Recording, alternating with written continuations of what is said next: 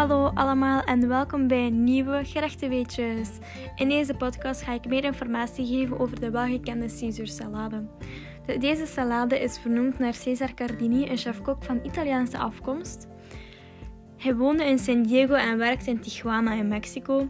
Veel gerechten worden op voorhand bedacht, gemaakt, gecreëerd, geproefd, voordat ze op het menu komen. Maar deze salade is helemaal anders. De Caesar salad is ter plaatse uitgevonden omdat het op een, op een bepaald moment heel druk was in het restaurant. Dit gebeurde op 4 juli 1924, dus dat wil zeggen dat de Caesar salad, salad bijna zijn 107 verjaardag viert.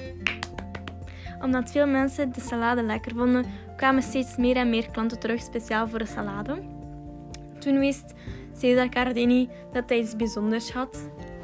Meerdere mensen en ik zelf ook dachten dat deze salade naar Julius Keizer vernoemd is, maar dat is dus degelijk niet het geval.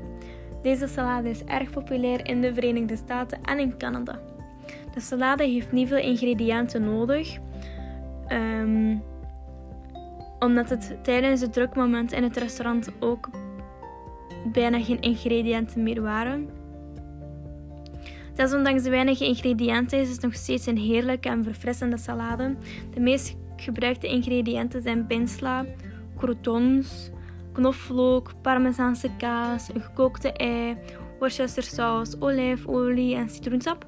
De laatste jaren maken mensen er ook een eigen gerechtje van en voegen er onder andere ook avocado, tomaat, spekjes en nog andere dingen aan toe. Dat is ook altijd super lekker, de tomaatjes erbij, zeer verfrissend.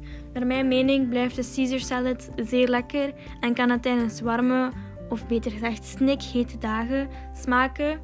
Ik heb zelf een Caesar salad gemaakt met iets meer ingrediënten van in het basisgerecht en ik moet zeggen, het was heerlijk. Bedankt om te luisteren en tot ziens bij een volgend gerechtenweetje. Dag!